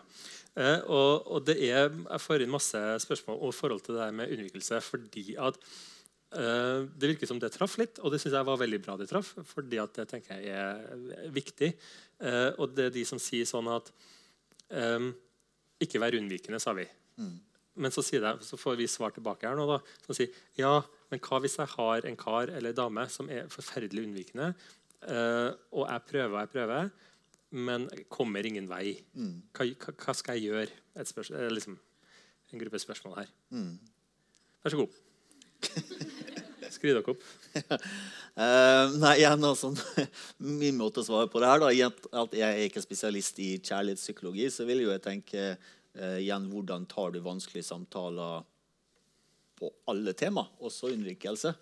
Og Det sier jo litt seg sjøl at eh, folk som er unnvikende, dem eh, skal du ikke bruke veldig mange ord med. For det, eh, Folk som er unnvikende, er jo enten fordi de har en personlighetstrekk som er unnvikende. Altså vi har liksom person, Du har personlighetsakser. Innadvendt eller utadvendt. Det er kanskje den mest medfødte Eh, personlighetsdimensjonen vi har. Og veldig mange som er unnvikende, er jo også veldig eh, introverte. altså veldig innadvendte. Mm. Så De er ikke alltid så flinke med selvhevdelse, f.eks. De er ikke alltid så flinke med å finne ord for vanskelige følelser. Kanskje ikke ord for følelser i det hele tatt.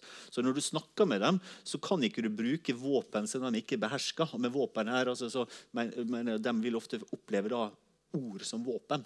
Så kan hende de blir overmannet av alle ordene dine. Så da er den logiske konsekvensen at du skal bruke få ord. Og så øh, bør du også prøve å finne en arena der de ikke føler seg fanga. Og det er f.eks. det å, å, på en måte låse igjen døra og si at nå skal, får ikke du komme ut her før måte vi har snakka, og så på en måte har du en stabel med ord foran deg som på en måte hiver ut. Da, da, vil jo du på en måte traumatisere den eh, personen der. Så bruk få ord. Finn en arena der man på en måte, den som du skal snakke med, vet at han kan slippe unna i løpet av sju og et halvt minutt. Lever det du skal si, fort og brutalt. Og så hold kjeft. Det, er liksom eh, min oppskrift og, eh, på det. Og Hvis han ikke klarer å si noe der, så må du bare si at du fremdeles er bekymra. Ja. Så det er sånn kjærlighetens geriljakrig. Du kommer inn, og så bare bang, bang, bang, bang så springer du. Ja, eller omvendt. Altså, du, du, må, du, du, må gi, gi, den andre personen muligheten til å være geriljakriger. vil jeg si. Ja, okay. Eh, for, for, for det, du skal ikke stille opp. Det, du må stille opp. Du må ikke, Det er akkurat som denne rotta som er fanga i hjørnet. ikke sant? Da, det er ikke lurt. Du må gi rotta, altså den partneren din, muligheten til å svippe, svippe forbi. da. Ja. Eh, så, så, jeg vil bare si, si eh, hei, Roger. Eh, jeg må snakke mer om et, et, tema, og så sier du hva det er for noe det temaet er. Dette syns jeg er vanskelig, og dette syns jeg er vanskelig. Ja. Punktum. Uh, vi må gjøre noe med det. Hva tenker du om det? Og Hvis du stikker her nå, så blir jeg veldig lei meg, men det må du, du skal få muligheten til å gjøre det igjen. Og det, Da har du på en måte en sånn enkel greie. Ikke bruk alle disse ordene der, for det blir bare gjør verre. Og hvis ikke det her virker etter tre ganger, så tenker jeg kanskje du må tenke på å gi opp. da. Da er vi på den der biten der igjen. Hva hvis vi snur det, da? Hva hvis, uh, hva hvis man sjøl er litt sånn unnvikende? Har, altså, hva hvis dere har en partner som er Det er forferdelig mange ord, og det er for, veldig mye som hagler inn. Man føler seg veldig overvelda. Ja. skal man da kjøre samme og så si det at 'Jeg hører alle ordene dine'. Ja. Slapp av. Ja. Tusen takk. Tusen takk for ord. Nå har jeg fått nok. Ja, altså, det blir samme prinsippet, ja. ja. Eh, tenker jeg. Men eh, den som er innadvendt, vil jo da sannsynligvis ønske å forberede seg litt. Og jeg vil anbefale faktisk disse der, sånn som de har disse der, eh, disse der lappene som du vet når du har sånn Når man er sånn, hva heter det, leder Oscar-nominasjoner, sånn, så har de sånne lapper. Eller har du sett den der filmen den der eh, Love Actually når han står på døra med disse lappene? Ja, noen som har sett den? Har du sett den? Love Actually. Um, uh, han står ja, foran og så forteller han kjærligheten. Ja, Og så tar han bort sånn en ja, lapp? Ja, okay, ja. Så det går faktisk an å gjøre mm. i virkeligheten. Hvis du har vanskelig for å finne ord, så vil du heller bare lage noen sånne lapper og være forberedt på. Og så når du er ferdig, så leverer du dem der, og så går du. Ja. Jeg har, faktisk, jeg har møtt tre menn som har gjort det der, med strålende resultat. Ja. Ja, hvis, hvis, det er veldig unnvikende folk, så er de sikkert bare Ja, ja, lapp. Det er noe bedre enn ingenting. Og så er vi i praten. Um, Ta gjerne noen kommentarer på det. Kan hende noen som har noen enda smartere Jeg syns faktisk det er litt vanskelig å spørre òg. For det er vanskelig å snakke om det her uten å bli for privat òg. Ja. Er det noen som har noen tanker rundt det som har blitt sagt? Vent litt, skal du til og med få en mikrofon. Den funker best hvis du tar den til munnen. Så skulle jo liksom ikke, Vi skal prøve å unngå det med kjønn og kjønnskategorier. da. Men, men, eh, det er vel kanskje vanlig for å si da, at kvinner er den som både er mer sånn verbale, sosiale og fører ordet oftere enn menn. sånn at Man sitter sitter og tenker på at dette er en sånn kjønnsproblematikk. da. Mm. Sånn som jeg tror det kanskje er mest. da. Jeg er enig i det. Eh, veldig ofte er det det, men ikke alltid. Jeg er faktisk Den der har jeg lyst til å krangle på. da. Mm -hmm. Fordi at uh, Ikke krangle med meg, da! fordi, Nå skal du høre. Nei. Uh, Nei, kan ikke ha konflikt. Ja, men, nei, vet du hva? men jeg, jeg, er helt enig i det. At det er liksom, altså det er jo på en måte en vits at, at menn uh, snakker mindre, og, og damer er hysterisk og, og snakker mye. Altså det er en sånn stereotyp der, og den stereotypen kommer fra en plass. Mm. Men jeg er jaggu ikke så sikker. Jeg. jeg jobber jo med ungdommer osv. Og, så og jeg føler at det har skjedd nå de siste 20 årene, 10 årene, kanskje nesten også 5 årene vi har NRK Super, og vi har et veldig press på guttene våre i forhold til dem å lære seg, lære seg om følelser og lære seg å snakke om følelser. Eh, nå driver vi og snakker om, eh, om gutter og anoreksi mye. ikke sant? At, at guttene snakker om kroppspress osv. Jeg tror at det er noe som skjer der. Jeg tror, det, jeg tror de kjønnsforskjellene blir litt mindre. Eh, den der gamle tømmerhuggeren som du snakka om, ikke sant? som hugga, og det var det han gjorde. Eh, han, hvem er han i dag? Nei. på en måte. Og vi ser jo det, Hvis dere fulgte med på nyhetene nå nylig, så var det han gutten som hadde, hadde noen muskelsykdom. tror jeg. Og så fant faren ut etterpå at han hadde sittet på Internett på sånn dataspill og vært, vært noen. Ikke sant? Altså, vi har, plutselig så har vi de der arenaene òg, hvor man kan faktisk snakke litt sånn anonymt. Um, og, og man, jeg, tror, jeg tror det er noe som skjer der. Og jeg, jeg sjøl kjenner mye myke menn. Ja. Nettopp. Ja, du kan sikkert formidle kontakt der i Ja. Hvis, det er noen, hvis det er noen damer som har behov for litt uh, ja, det, Vi går jo inn i en litt annen diskusjon her nå, men eh, det vi vet hvert fra andre siden, er at det er flere og flere jenter uh, blir slår og, og gjør ting sånn som vi har fått likestilling den veien. da, sånn. Jeg har jo snakka en del om skole, for eksempel med folk som setter fyr på, på, på skolene sine. Og, og skolemassakrer vi snakker om her i en annen gang. Og der ser du jo sakte, men sikkert noe som begynner kvinnene å ta igjen. da, bare Så jeg har sagt, så det kan godt hende gå andre veien nå. Go girls. Eller eh, Ja. Nei, men jeg, jeg er enig i det at det er Og jeg er veldig spent, da. Framtida. Jeg tror det er Det der tenker jeg er, er på rett vei, mener jeg, da. At, at uh, Ikke det at da, ja, ja, ja, Svein. Nei, ikke at, ikke at de blir mer uh, det, eksternaliserende i atferden sin, men, men det der med at mannfolka tør. Og det er en diskurs som sier det er greit. Um, yes. Lang, langdistanseforhold, har du trua? Utenfor kompetansefeltet mitt. Eneste jeg kan jo si det der med Vi fikk jo spørsmål om sånne folk som blir får crush på folk i fengsel. Ja. Det er et langdistanseforhold. Ja, fordi eh, Det er jo et sånt tema som, har, som, som kommer opp av og til, at det er en eller annen eh, kjendisdrapsmann som sitter i fengsel, og så får media nyss i at eh, han har jo fryktelig mange frie brev og folk, damer, da. Som, eh, som ønsker å gifte seg, og det, det skjer jo også. Og så lurer jeg på hva i all verden er det med de damene? Er de spikspenna gærne? Er det folk som har drept folk, seriedrapsmenn, og så skal de gå rundt og bli forelska i vedkommende? Litt. Hvor mange av dere er det som har sendt et brev til en person som sitter i fengsel? Noen gang et kjærlighetsbrev? Nei, bare, bare sjekk. Ja. Er det sant? ja. Eh, Ingen, ingen, ingen her? Ja. Men hvorfor gjør det? Men hva, altså, ja, jeg- jeg- fordi at det er det, det er et lang, langt svar, da. Men uh, noe av det, det man ser, da, for det er undergrupper der òg, er jo at noen personer faktisk er redd for å binde seg i seriøse eh, forhold. Mm. De har kjærlighetsangst.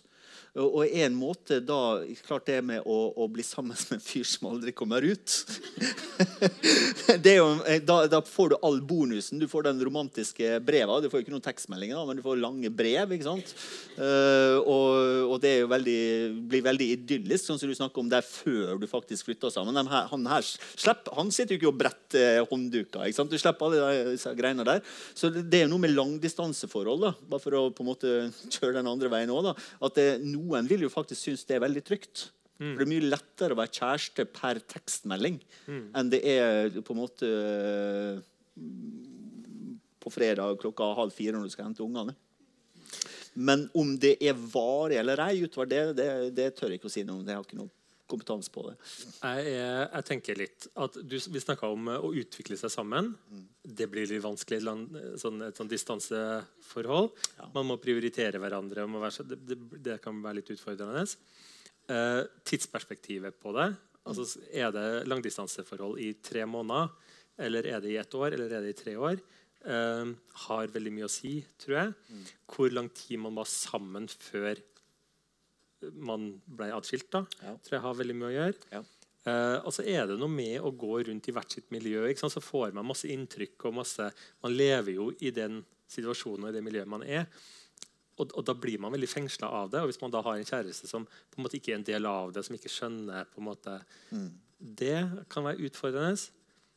Jeg er middels minus skeptisk eh, til det der, altså. Ja, men altså, nå tror jeg at du og meg begge skal innrømme det at vi har ikke en millimeter mer kunnskap om det her enn noen andre i salen. Nei. Er det noen som har hatt langdistanseforhold? Halve salen, ja. ja. Ja. ja og det, det er mannen som sitter ved siden av der. Nei, det er bare tull. Han har ikke brillene på seg. Eh, kan, du fortelle, kan du fortelle oss eh, litt historie og tidsperspektiv og sånne ting? Eh, Ja. Jeg var sammen med en mann i åtte år. Og gjennom de åtte årene så hadde vi først tre måneder fra hverandre. Så hadde vi noen måneder sammen, et halvt år fra hverandre. Noen år sammen. Og så hadde vi ett år fra hverandre. Og jeg tror nok fram til et halvt år så var det greit. Men et år, da begynner det å bli så lang tid. Og man, det kommer an på hva man fyller den tida med òg. Og hvor mye man lærer, og hvilket miljø man er i. Men eh, det kan jo gå. Så, så kan, kan du, hvis det er noen andre her i salen som er i en prosess der de er på vei inn i et sånt forhold, har du noe sånn, hva, hva, hva kan du gjøre for å øke sjansen for at det blir bra? Tør du å si noe om det? Kommunikasjon og tillit. Ok, Og for å være litt mer konkret Nei, det kan ikke jeg. Det, Nei, det, det ok. det mennesket. Så det å snakke sammen, være ærlig, er det det du mener? Ja, hold kontakten på et visst nivå. Ikke være avhengig av å snakke med hverandre hver dag, Nei. hvert minutt. Men at man sjekker inn av og til. Ja. Prioriterer å møtes kanskje en helg, eller Så ikke nødvendigvis den dype samtalen, men mer at det også er litt hyppig, sier du. ja, at man holder hverandre oppdatert på hva som skjer i livet. da. Ja. Mm. Takk skal du ha. Ja, men Supert, altså. Da håper jeg var litt svar til den som eh, sendte inn eh, melding. Jeg syns du kan få enda en, for det var så mange som rakk opp Var det så mange som? Eh, Hvem andre var det som hadde langdistanse? Var det du?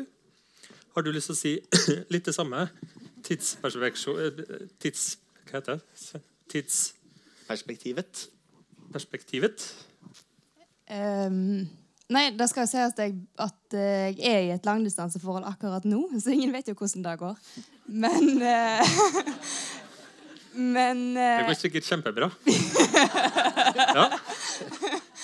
men, men det er snakk om et år. ja. Eh, eh, og jeg tror det handler om Ja, det handler masse om kommunikasjon og den der eh, forståelsen av at man ikke kan forvente å, ha, eh, å kommunisere like ofte som man har gjort tidligere, og ha like djup kommunikasjon like ofte. Men, men ikke minst at en, en eh, på alle måter innrømmer for seg sjøl og hverandre at dette kommer til å bli dritt, stort sett.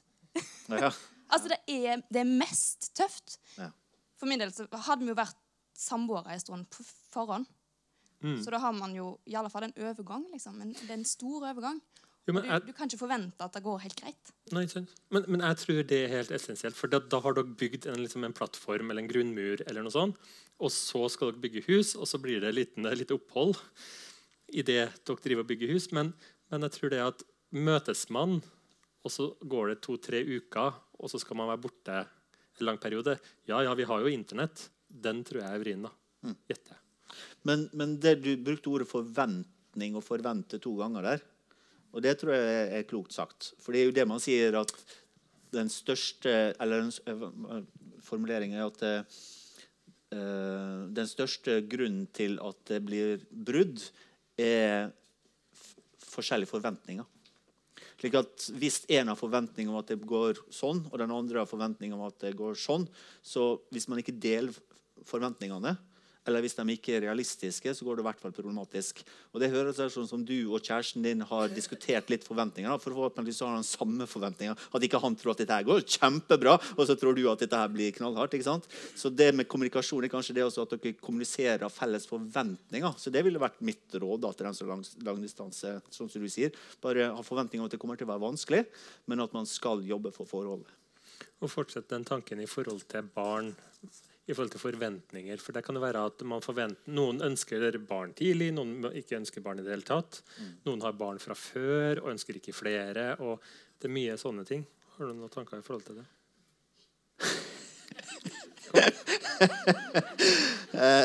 Nei, altså det er, sånn igjen, da eh, der, eh, Nå bruker jeg det ordet igjen, å zoome ut. da, Men det å finne det med, det med å, Akkurat sånn som begge dere to snakker om, egentlig, det med forventninger, og så snakke om det, eh, det er jo det som er det, det, det typiske. Det, og som vi sa helt i første, første, første tre kvarteret, at det med å unngå å snakke om ting man snakker om den elefanten i rommet. Altså Hvis begge to vet at her er det en ting som man burde snakke om, men som man ikke snakker om, så er det problematisk uansett. Og det er jo veldig ofte så ligger jo det i en forventning i hvert fall hos en av partnerne om at man skal ha barn. Og Det er jo særlig et, uh, tilbake til forskning, da, som, jeg, som jeg kan roe litt inn på trygg grunn, i forhold til det med bonusfamilier. Så er det også en sånn typisk kilde til eh, splid og vanske i kjærlighetsforholdet når man har med seg barn fra før.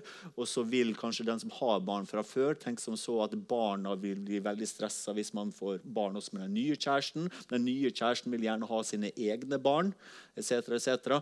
Og det vil nettopp være en sånn ting som hvis ikke du snakker om det, som da vil være elefanten i rommet, så vil det tære på forholdet. Så da er det handler om heller om hvordan du kan faktisk snakke om den forventninga som, som, som, den ene partneren har. Jeg har to spørsmål Sven, som jeg har lyst til, å, lyst til, å høre du svare på. da. Det ene er at jeg lurer på Neste gang så er det jeg som skal få ja, det, det her var helt genialt. måte å gjøre det på. Du, sånn fucking friends og sånn, uh, Svein. Har du noe trua på det? Og hvordan er det hvis man har kjæreste og har lyst til å bli venner? Altså liksom sånn Etter man har gjort det slutt, ja, så kan ikke vi bare være venner? Ja, okay. Og hvordan få det til bra? Ja, nå er jeg over 50 år, da, så det der eh, eh var ikke noe si til fucking friends når jeg var, var, var ung. Men, eh, men igjen eh, Det er vel noe som har vært opp til tema 3000 ganger gjennom hele kjærlighetens historie. Kan man være venner og samtidig eller kan man ha sex uten å ha et forhold som vennskap og samtidig ha et seksuelt forhold? I hvert fall inntil øh, de siste ti åra, som jeg ikke skal si noen ting om, så har det vært allmenn enighet om at nei, det går ikke. Men det kan hende, som du sier, ungdom endrer seg. Uh, alt endrer seg i forhold til normer. I dag så snakker man om ikke bare kulturell kapital, altså om du da på en måte har lest noen av bøkene her og kan snakke om det. Sånn som alle dine myke eh, menn eh, folk har. De har sikkert mye kulturell kapital. Men vi snakker også om seksuell kapital. som ja. mange av disse ungene snakker med, altså ungdommene snakker om for at Nei, hva er det jeg er glad til? Nå er jeg veldig god å gi blowjob. da. Og så er de stolt over det. liksom. Det er liksom en ting de kan, som gir dem seksuell kapital. Så alt det der som jeg ble vokst opp med, på en måte om forventninger rundt seksualitet, det er helt kasta opp i lufta. Så spør en, eh, en 20-åring, er mitt svar. rett og slett. Jeg tenkte det kunne være litt sånn artig å høre en svar på det, men nå angrer jeg litt. Uh, Nei, uh, i forhold til det Jeg tenker, jeg tenker jo det der med at Jeg vet ikke. Er det, er det, et stort tema der ute i folket? Det der med, med at man har sex med venner, altså man har en sånn deal. Her. Det var svaret. ja. Var det noen som ønska å si noe? Rekk opp hånda hvis det er noen som ønsker å si noe. ja, okay. Men, jo, men, jo, men, det jeg skulle si, si, i forhold til det, var det at jeg tror, altså, derfor Husk det er noen ting som skjer da, i, i, forhold til det her med seksualitet. Altså Seksualitet er en kjempeboost for all form for tilknytning. ikke sant? Vi har oksytocin, som er et sånt hormon. Eh, vi har. Det er, noe, det er pardannelseshormonet vårt. ikke sant? Og i forhold til, eh, både i forhold til sex, berøring på hud og amming, så er det masse av det hormonet. Eh, sånn at hvis man da har masse sex med en person som man i utgangspunktet syns er veldig ålreit og, og, har det veldig artig sammen med, har ikke de store følelsene, men, men det her er bare for moro, så er det fort at, at, det sklir over til å faktisk bli følelser der. da. Sånn at, sånn at, man har en idé om at det her kom jo, det her var en kjempebra deal som jeg skal holde på med for alltid. Ikke sett for mye penger på det. da. Det, det som, men da blir det, skal ikke bli moraliserende, men når jeg møter, for jeg møter jo ganske mange sårbare folk. da. Og det som jeg vet er at det er veldig mange av, eh, av uh, sårbare ungdommer da, de gjør jo hva som helst bare for å i etterkant bli ligge i armskroken og bli strøket over håret. Og Mange av dem da vil ha sex uten at de egentlig har lyst på det, men fordi de vil ha den uh, pillow talken etterpå, eller lignende, altså vil ha den kosen etterpå. Så Problemet med å gå inn i et sånt forhold er at det kan jo hende at du syns at det er den sexen og at det vennskapet fungerer veldig bra, og det kan hende at den andre faktisk sier at ja, det syns jeg òg, men det er ikke sikkert at den andre mener det likevel. Så du setter deg i en ganske sårbar posisjon. Uh, rett og slett. Men igjen, tilbake til det med kommunikasjon. Hvis man da klarer å snakke om det, så vil det være forventninger. Hvor, hvor går det forholdet her til? Så vil jeg kanskje satt litt mer penger på det. Men igjen, spør en 20-åring. Men, men, det er, altså, mitt, eh, min tanke er at det der er et sånt emosjonelt vepsebol. Ja, er overhodet ikke moraliserende hvis dere har lyst til det. så for all del, Men bare husk det at det, det kan være, bli fort litt komplisert. da. At det kan være veldig artig og, og, og søtt i starten, men så kan det fort se litt annerledes ut. Um, mm, så det var, det var det. Og ja. Takk for meg. jeg er på jakt etter flere spørsmål. Ja. Um, jeg, jeg, det er veldig mye som går veldig mye på det samme. Ikke, altså, det går veldig mye på unnvikelse. Da. Det vi har fått Hvor viktig er det et spørsmål, hvor viktig er det å på en måte ha forskjellige hobbyer, ha liksom forskjellig liv, hvis du skjønner? Altså at de har sitt i et parforhold. Er det noe viktig, eller er det ikke det? Eh, hvor viktig vil du si at det å ha forskjellige hobby i et, eh, et parforhold Hvor viktig er det, eller hvor viktig er det? Jeg er så lei av at du stiller med spørsmål. Ja, så det bare... ja, ok. Jo, jo. Nei, men jeg er jo med. Jeg er med på leken. Jeg, ja. jeg, jeg tenker det at uh... Vi har et lekent forhold, ser dere. Vi har vi har ikke fortalt det ennå, men vi har jo en sånn greie på gang. her. Sånn fuck. Vi, eh. vi, må ha lek og humor i forholdet vårt. Ja, har vi, ha, vi, har det. Ja. Du kan sa, eller? Vi hadde, vi, hadde, vi hadde, et show om ensomhet. Og så satt vi og snakka, og så bare snur han seg mot meg og så spør han meg ja, ja, for eksempel, altså, Andreas, tenker du at vi er venner? Og jeg ble sånn, jeg ble så rørt. Etter, jeg ble sånn, litt sånn tårer i øynene. Ja, jeg vil være vennen din, Svein. Og så sier han ja, for jeg ser ikke på deg som en venn. Lekent forhold, my ass. Altså, det er men Kanskje hvis vi begynner å ha sex sammen? Da kommer jo alle hormonene. Ja. Og da, da, kommer jo alle tilknytninga. Det blir bra. Det blir bra. Um, Eller ikke. Ja, veit jo alle Nei, ikke greit.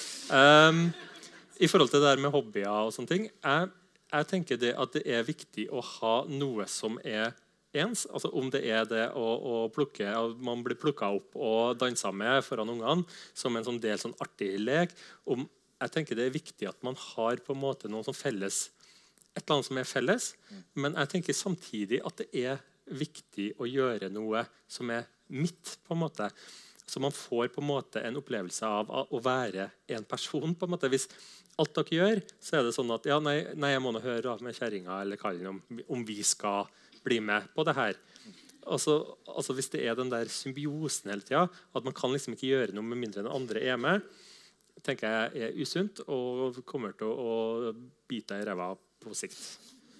Eh, sånn at det der med at, eh, at Hvis du har en kompisgjeng, og dere ser fotball sant, på, på, søndag eh, og spiser pizza, og det er, det er min greier Nesten sånn som når du var 14. 'Ingen jenter velkommen på rommet mitt'. Eh, på døra. ikke sant? Eller om altså, Hva det nå er da, du liker å dra i stallen og ordne med hester, eller om du vil se fotball, eller om du Apropos kjønnsstereotypiene renner ut av deg. Jeg sa ikke, jeg sa ikke hvordan kjønn Nei, gjorde hva her. Shame on you. Jeg skal vedde på dere tenkte at ja, Jeg mener at uh, Ja takk, begge deler. Mm. Det som Kanskje vi skal si det her nå, eh, Hans Andreas. Altså, det er et eller annet, Vi skal ikke love for mye, du og meg. Hva vi har lovt? Eh, for det vi, men vi, vi, vi har blitt Vi syns det var så kult at vi fikk inn så mange spørsmål den gangen her. Ja, sånn, ja. Eh, så det vi lurer på nå, at vi skal lage, svare på en del av den spørsmålet, eller hvis dere har spørsmål etterpå, så at vi skal svare på en del spørsmål og så legge dem ut på den Facebook-tingen.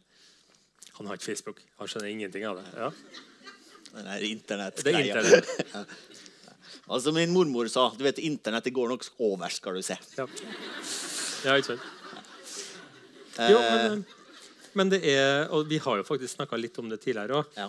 Fordi, nettopp fordi at som jeg sa til å begynne med, Vi vil ikke at dette skal være en sånn at her skal vi sitte og fortelle dere hvordan dere skal ha kjærlighetslivet deres. Det skal være en greie hvor dere forteller historier, og vi snakker litt sammen om det. Um, og i forhold til de spørsmålene så kan jo vi synse litt rundt det. Ja.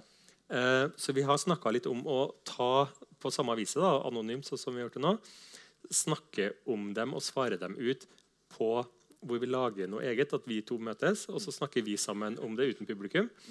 Eh, og så legger vi det ut tilgjengelig for folk som er interessert og nysgjerrig. Da. Det har vi om, så det kan vi jo se på. Og det vil da med andre ord si at det går an å stille inn flere spørsmål enn inn. Ja. Så det betyr at dere kan fortsette å stille spørsmål også etter vi er ferdige her. Mm. Uh, mm, uh, I forhold til um, om dere kan høre det her igjen uh, Forrige gang så snakka vi om søvn. Litt usikker på hva som skjedde. Det ble noe tull i opptak, og vi hadde et TV nei, sånn, eh, jo, sånn TV produksjonsselskap som kom og filma. For de hadde lyst til å se om de skulle bruke det her som en sånn pilot til en TV-serie.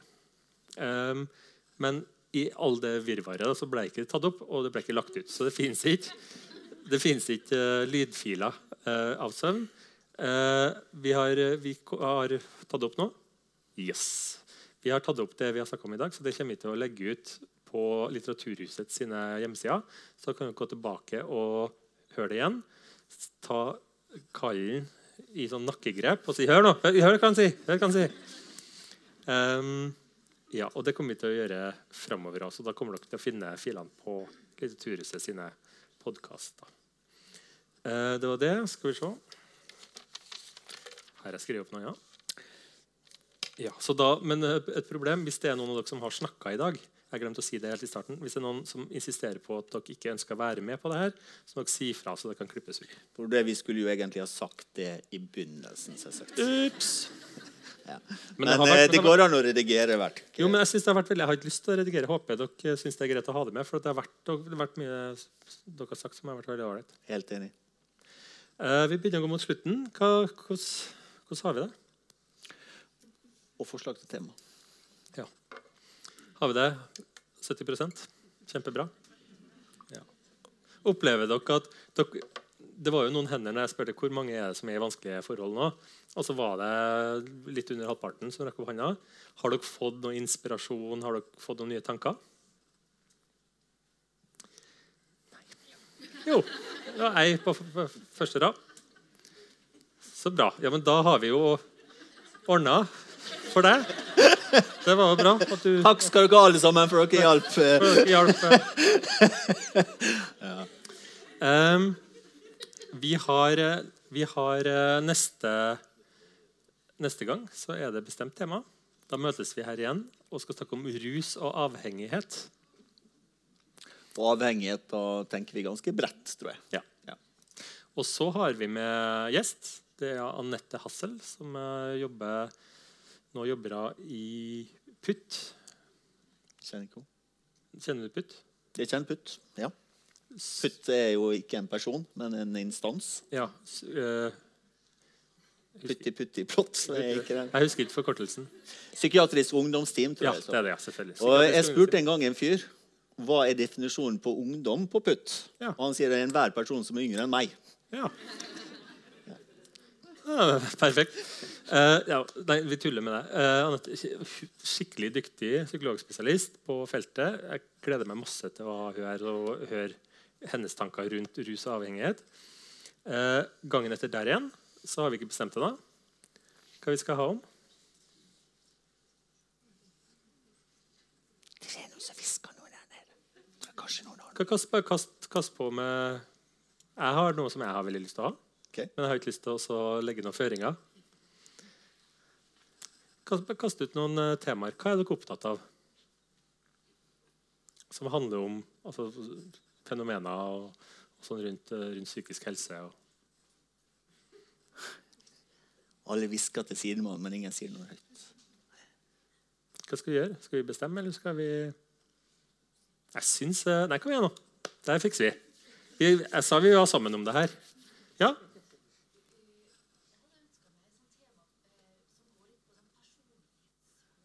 Personlighets... Ja. Ja. Spennende. Personlighet inkludert også personlighetsforstyrrelser, tenker du? eller?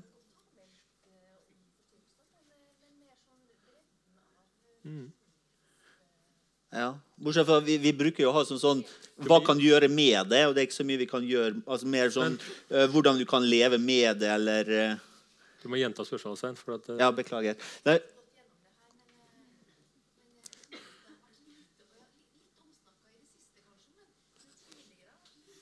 personlighet. Ja.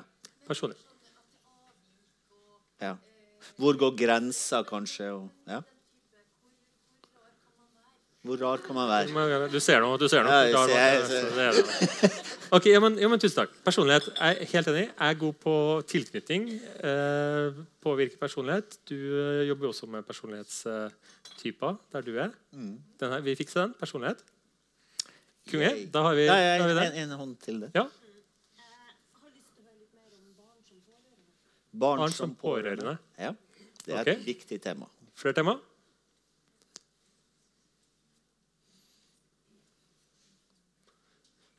Ingen? Jo, der var den.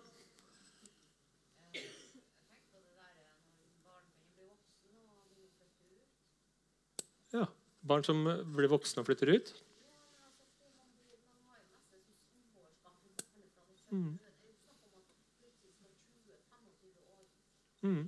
Ja. Ja, av, jeg, jeg gjentar det du sier, så alle hører. Ja, altså, altså den der, eh, også snakke om den der adskillelsen fra det barnet det flytter ut. Man har jo hatt, man har bodd sammen hele barnets liv, og så plutselig så skal de flytte ut og etablere seg. og sånn, Så kan det skape noen følelser og tanker hos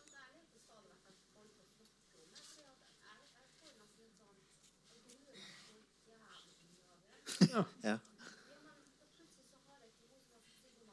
Ja, ikke få oss til å gråte her nå på slutten av dagen. ja. Jo, men, jo, men det, det jeg tenker, Kjempebra tema. Det kan vi, vi, vi skride opp. Vi tar det med oss. For det der er jo, det der er jo noe som angår veldig veldig mange. ikke sant? Ja. Altså det Ja. ja. Du er redd for Mm. Mm.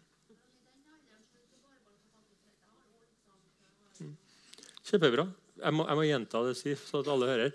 Eh, det jeg tenker i forhold til det du sa, er det at, eh, at når barn flytter ut eh, fordi at de er i den alderen, at de, at de skal ut av huset, etablere seg osv., så, videre, så kan det være veldig tøft for de foreldrene eller de pårørende som, som sitter igjen. på en måte, For det, det har jo blitt en livsstil, og man sier jo god natt hver natt, og plutselig så er det ikke noen der som sier god natt. og Det kan være, kan være vanskelig på mange måter. Supert. Jeg må passe tida litt òg. Da har vi fått inn noe, noe tema. Ta også, følg med på uh, Facebook-sida vår når ulven kommer. Eh, arrangementene står der. Jeg skal fylle inn, inspirert av de tingene dere har sagt nå. Um, har jeg glemt noe? Nei, det var såkalt housekeeping. Altså Vi går gjennom ting som må gjøres av eh, ting og tang. Ja. Veldig bra gjort. Hans Andres. Og, og send, inn, send inn eh, masse flere spørsmål i forhold til eh, kjærlighet. Så skal, skal vi se om vi får til en, eh, en liten sånn minipodkast, opptak, et eller annet. Folk er på vei ut. Det er ikke et bra tegn. OK, folkens. Tusen takk for at dere kom.